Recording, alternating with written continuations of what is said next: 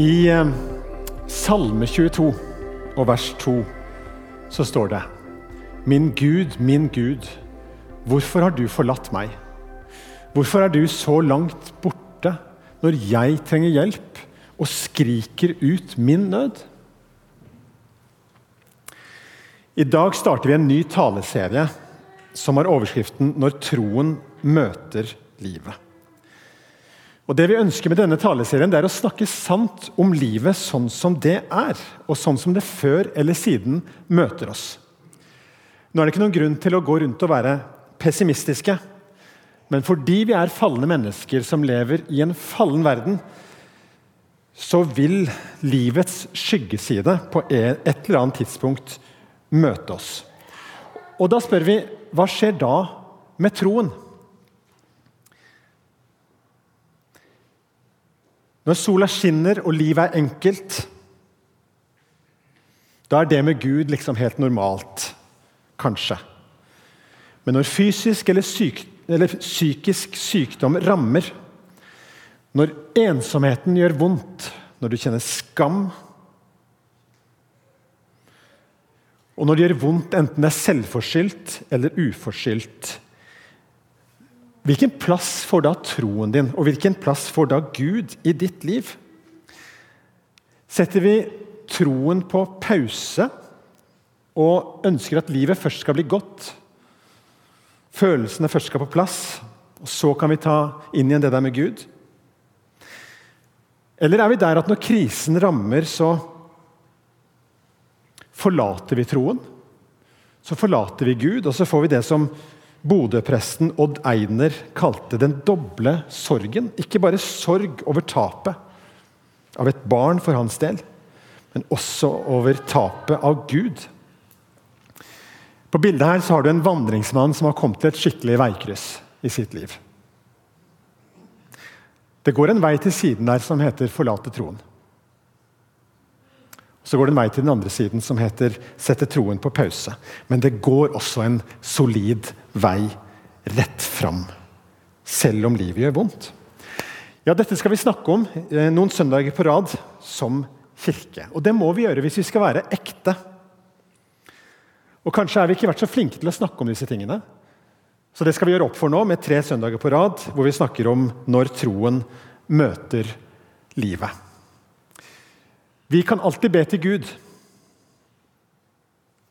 Og Gud hører oss alltid. Men noen ganger så svarer han 'vent'.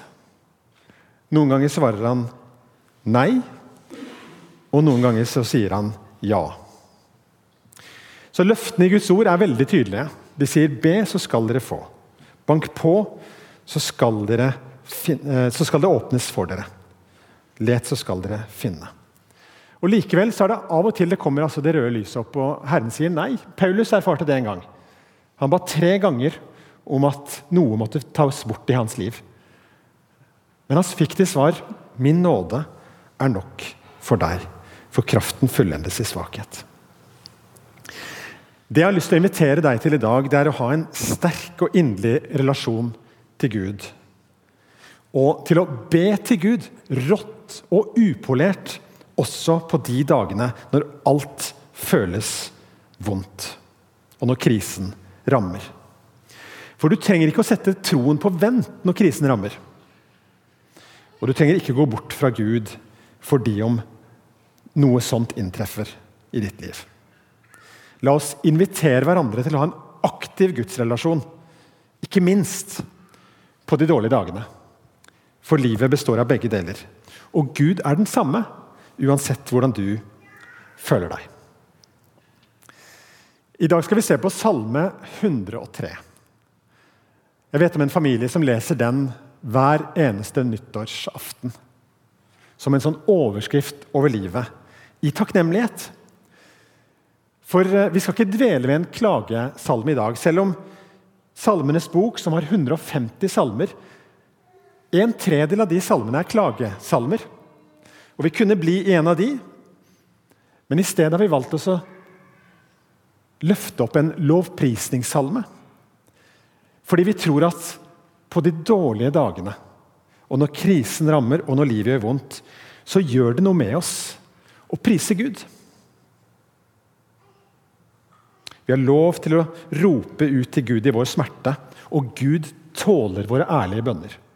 Salme 22 siterte Jesus sjøl fra på korset. Min Gud, min Gud, hvorfor har du forlatt meg? Hvorfor er du så langt borte når jeg trenger hjelp og skriker ut min nød?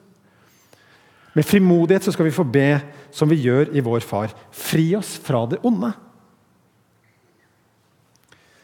Men det onde var ikke der før syndefallet. I hvert fall ikke som en erfart realitet. Kanskje hadde det skjedd et fall i engleverdenen før det menneskelige syndefallet. Det kan se sånn ut. Men for menneskene så var ikke det onde en erfart realitet når syndefallet skjedde. Og på den nye jord, i fullendelsen, så skal det heller ikke være noe ondt. Ingen tårer, ikke noe skrik, ikke noe smerte. Men imellom de to så er vi, i virkelighetens verden, og da gjør livet av og til vondt. Og Min invitasjon til deg i dag det er inviter Gud inn i det som er. Han elsker deg. Han er deg nær, også når han føles langt borte. Salme 103 den starter med 'Velsign Herren min sjel'. Og jeg, spør er det god norsk. Altså I andre oversettelser står det 'Lov Herren'. Og På engelsk så står det 'Praise the Lord'. Men den eh, 2011-oversettelsen den, den, har altså 'velsign Herren'. Og, og, og, Jeg vet ikke om oversetteren har fått med seg denne vitsen fra Ludvigs jul av um, Aukrust. Gud velsigne vår Herre, sa Ludvig i målløs beundring for Skaperens verk. Det er ment å være morsomt, men oversetterne sier altså 'velsign Herren'. Er det ikke Gud som skal velsigne oss? Er det, er det godt norsk språk å si 'velsign Herren'? Jeg vet ikke. Kanskje er det jeg som må gi meg og si at det er et ord som kan brukes i lovprisning. På engelsk, som jo er en del av vårt språk nå, så sier vi jo 'bless the Lord'. Vi har allerede sunget det i dag. Så det er en måte å si 'jeg priser deg, Gud' på. Og sånn står det nå, i hvert fall i denne oversettelsen som jeg bruker nå, av Salme 103. Så er det det vi sier, da. Da sier vi 'velsign Herren min sjel'. Velsign Herren min sjel, og glem ikke alt det gode han gjør. David var ikke ukjent med smerte, med ensomhet og med sorg. Og Det er David som har gitt oss denne salmen. Og Kanskje er det akkurat på de mørke dagene at vi trenger å høre 'glem ikke'. Glem ikke alt det gode han gjør. For det er noen ting som står fast selv om jeg har det vondt. Det er noen sannheter som, som, står der, og som er der, og som handler om hvem Gud er, og om hva Gud gjør. Og det forandrer seg ikke selv om jeg har en dårlig dag. Jeg tror vet du, at fordi jeg har det vondt, så er verden vond. Fordi at jeg har det vondt, så er hele verden ødelagt. Men i virkeligheten så, så er det noen sannheter som står fast. Og Salme 103 den nevner noen av de, og jeg skal gi dere fem av de tingene som Salme 103 vektlegger. Og når, når vi setter fokus på og blikket på Gud og på det gode han gjør, så kan det hende at vi får et annet perspektiv på de tingene vi står i. Det er ikke sikkert det fikser det. Det er ikke sikkert det vonde går bort over natta. Men det er noen ting som står fast, og så kan det hjelpe oss. Det hjelper oss å være takknemlige.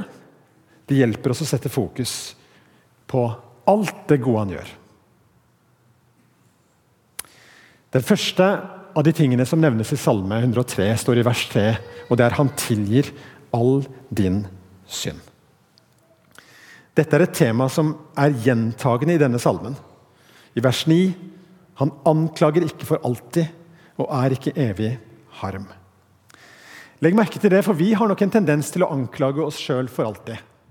Altså De feilene vi har gjort én gang i fortiden, eller de feilene vi fortsetter å gjøre. Vi anklager oss sjøl og sier at jeg, jeg, kan ikke være noen kristen. Jeg, kan ikke være, jeg er ikke en from kristen. I hvert fall. Jeg er ikke en sånn kristen som Gud egentlig vil ha for prikk, prikk, prikk. prikk. Så holder vi sjøl disse syndene opp for oss, og så anklager vi oss sjøl. Og så har vi en sjelefiende. Han har faktisk navnet Anklageren. Det er han som driver med det. Det er ikke Gud som anklager deg. Jo da, Den hellige ånd kan overbevise om synd. Den hellige ånd kan peke på noe i ditt liv som du kanskje ikke var klar over at sto i veien. Men det er i så fall bare for at du skal bekjenne det. Og når du har bekjent det, så holder ikke Gud fast på det.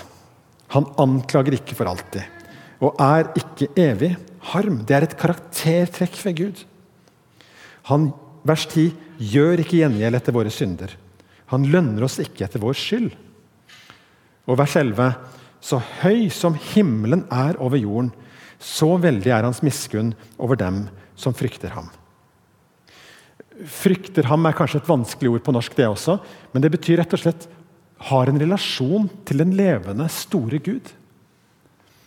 En, hvis du har en relasjon til den levende, store Gud, så har du en, en form for ærefrykt, en form for respekt for ham, for han er Gud, og det er ikke du. Og Når salmen snakker om å frykte ham, så betyr det ikke at man skal være redd for ham og flykte fra ham. Men det betyr at man har denne relasjonen til den allmektige, store Gud. Så, lang som, så langt som øst er fra vest, tar han syndene våre bort fra oss. Da jeg var liten, så sang vi det i en barnesang. Det var den tiden hvor man sang barnesanger om synd. Det tror jeg vi slutta med, men den sangen den er sånn. Så langt som Østen er fra Vesten, er de langt fra meg, er de langt fra meg, er de langt fra meg. Så, lang, så langt som Østen er fra Vesten, er de, lang, er de langt fra meg. Han ser dem aldri mer med, med bevegelser. Noen av dere har kanskje vært med på den sangen som små. Casting Crowns har en sang som sier You know just how far the east is from the west, from one scarred hand to the other. For det er nemlig sånn at Øst og vest Hadde det vært nord og sør, så kunne vi sagt at det er en definitiv avstand. Det er nemlig Det er nemlig Jeg har skrevet det ned. Men jeg fant det ikke. Jo, det er 20 014 km mellom Nord- og Sørpolen. Men det fins ingen Vestpol, og det fins ingen Østpol. Så hvor langt er øst fra vest? Det er ekstremt langt. Det er så langt som det er mellom én naglemerka hånd til en annen. Det er en utstrakt Jesus på korset som gjør at han ikke gjør med oss etter våre synder, for han har allerede ramma Jesus med det. Han tilgir all din synd. Den andre sannheten er kanskje vanskeligere å forstå, særlig når du står midt i en smerte. Han leger alle dine sykdommer. Han gjør det. Enten nå eller på lang sikt. En dag så skal du som tilhører Jesus, få et oppstandelseslegeme. Og så skal all sykdom, all smerte, være forbi for alltid. Og så skjer det også helbredelser her og nå. Og vi skal be frimodig om at han skal helbrede. Og Vi tror at når vi ber mer, så skjer det mer. Men om du ikke får erfare miraklet her, så står det likevel fast at han leger alle dine sykdommer. For noen så handler det om en fysisk helbredelse. For andre så handler det om en indre helbredelse. Og kanskje jeg kan si noen ganger er det like så viktig. Han vil helbrede deg fra sår, fra bitterhet, fra utilgivelighet i ditt hjerte. Han vil sette deg fri fra det. Det er som en sykdom som eter seg inn i ditt liv. Men han leger alle dine sykdommer. Og det er i hvert fall ikke noen quick fix. Men tenk sånn om din relasjon til Gud, at han er en som vil sette deg fri. Han vil ikke at ditt liv skal være redusert, at du skal være stuck in a moment, som U2 synger. Men han vil at du skal komme fri. Og kanskje er det en prosess som vil vare hele ditt liv. Men det står fast at han leger alle dine sykdommer. Han frir ditt liv fra graven. Ja, Det betyr jo ikke at ikke noen av oss skal dø. Det betyr ikke at ikke noen av oss ikke skal dø. Det betyr ikke at alle ikke skal dø. Det betyr ikke at døden ikke lenger er en erfaring som, som vi må gjennom, og som våre kjære må gjennom. Bibelen kaller døden den siste fiende. Ja, det er en stor fiende. Men det er også en fiende som ikke lenger har makt over oss pga. Jesu oppstandelse. Så Derfor er det sant at han frir ditt liv fra graven. Evangelisten Glenn Scrivener beskriver livet som et dataspill med stadig nye nivå og stadig tøffere motstand. Stadig tøffere eh, monster som du må bekjempe. Du kommer til, forbi level 1, og det var forholdsvis greit. og Så kommer du til level 2, og så var det ganske greit. det også, og Så kommer du til level 3, det var vanskeligere. Og så Stadig så klarer du å bekjempe ulike fiender, og så kommer du til den siste fienden. Og det er døden. Den var det ingen som klarte å bekjempe. Too bad. Eller Eller er det akkurat det Jesus har gjort når han ble reist opp fra de døde den tredje dagen? Da beseiret han den største og siste fienden en gang for alle. Så han er den største. Han er vår Herre og Frelser. Så han frir ditt liv fra graven. Men nå har vi snakka om synd, vi har snakka om sykdom og vi har snakka om død.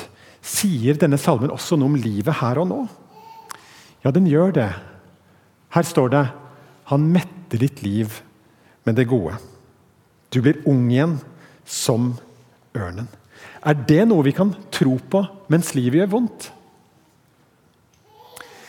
Jeg vet ikke om du har lest om Janne Blom, pastor i Livets Ord i Sverige. For ett år siden var han på vei i motorsykkelen sin for å være sammen med noen kamerater og skulle trene sammen med dem. Men han kom aldri så langt. For i en rundkjøring så klarte ikke motorsykkelen svingen. og Han kjørte inn i en buss og han kjørte under en buss, og kroppen hans ble knust. Og I ukevis så svevde Janne Blom mellom liv og død. Og når han våkna, så hadde han bare lyst til å dø. Men så er det en dag på sykehuset han våkner av at noe fyller rommet. Et sterkt nærvær av Gud. Og så hører han en stemme i sitt indre som sier, 'Jeg elsker deg, jeg elsker deg, jeg elsker deg'. Janne Blom har ikke fått føleligheten sin tilbake. Men nå bygger de rullestolramp i Livets Ord. Sånn at eh, Janne Blom skal kunne komme opp på scenen. Og så sier han så fantastisk bra. Selv om du ikke har en perfekt kropp, så er det alltid noen der ute som trenger deg. Jeg tror på helbredelse, sier Janne Blom. Men om jeg ikke får det her og nå, så vil Gud bruke meg. For det handler ikke om føttene mine og at jeg skal kunne løpe rundt oppe på en scene. Men det handler om hjertet mitt.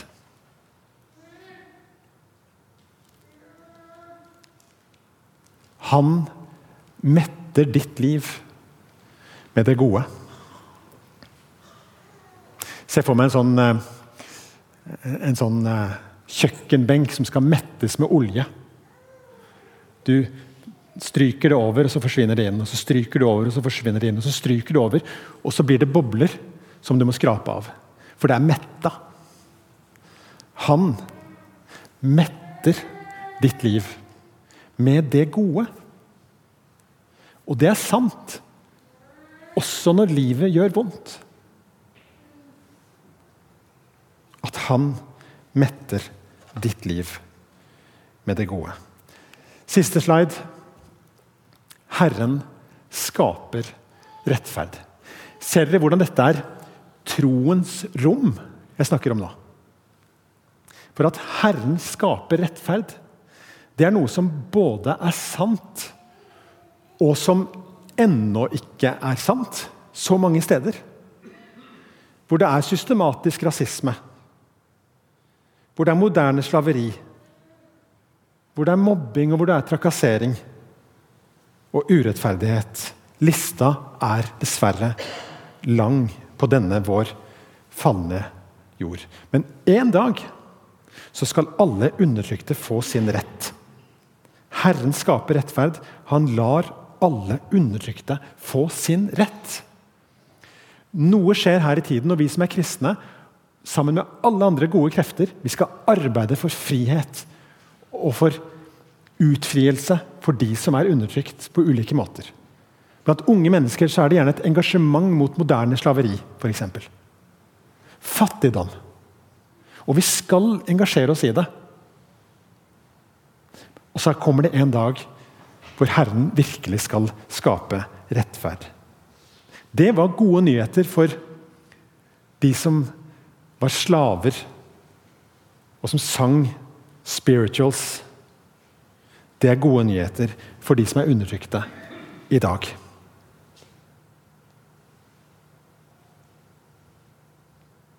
Og kanskje er det gode nyheter også for deg. Hvis du opplever at det er ikke rettferdig. Dette er ikke rettferdig. Det virker ikke som smerte og sorg og tap fordeles rettferdig. Det, no, det hoper seg opp hos noen, virker det som. Det er ikke rettferdig. Men Herren skaper rettferd. Alle disse fem sannhetene om alt det Gud gjør, og det gode han gjør, det skal vi ikke glemme på en dårlig dag. Det er sannheter som skal skape en takknemlighet i oss. Og så gjør den takknemligheten noe med oss. Dette med takknemlighet har jeg snakka om før i denne kirka. Og Det har TikTok oppdaga, og det har hverdagspsykologer på internett oppdaga. Og det har helsevesenet oppdaga. At det er en, en snarvei til bedre psykisk helse for mange. Uten at det er noen sånn Dermed blir alt bra for alle. Så er det en sånn hjelp til selvhjelp. Finn tre ting du er takknemlig for. Skriv det ned hver dag. Og så løfter det perspektivet ditt og blikket ditt. For det er noe som er bra, selv om det er mye som er dårlig. Her fikk vi fem ting fra Salme 103 som er blant alle de gode tingene han gjør, som vi ikke skal glemme. Det er ikke sikkert han tar det vonde bort her og nå og for deg denne uka. Men du har en far. En far ulik alle andre. En som kjente deg den dagen du ble til. Han ser til deg. I denne salmen står det om at Gud er som en far, som, en, som er barmhjertig mot sine barn. Og Helt til slutt så ender salmen i en lovprisning. Og Kan ikke du komme fram, Knut Amund, og og så reiser vi oss, og så, og så skal vi synge en lovsang sammen nå til slutt. Vi har lovsanget før, og vi pleier å gjøre det i denne kirka. Men nå har jeg lyst til at dere skal være med, dere som har mulighet for å reise dere. For det står her i vers 19 at Herren har reist sin trone i himmelen. Han har reist sin trone i himmelen. Se han for deg. Han rår som konge overalt. Han rår over de tingene du ikke rår med. Han rår som konge overalt. Og så står det 'Velsign Herren dere hans engler'. og Det kan hende at du tar det til deg personlig, men jeg tror ikke det er deg han snakker om. Dere sterke helter som lydig setter hans ord i verk. Englene blir utfordra her på å velsigne Herren. Velsign Herren alle hans hærskarer, dere tjenere som setter hans vilje i verk. Det er englene, det. Velsign Herren alle hans skapninger. Dyrene, trærne, sola, planetene. Velsign Herren overalt hvor Han rår. Velsign Herren, min sjel.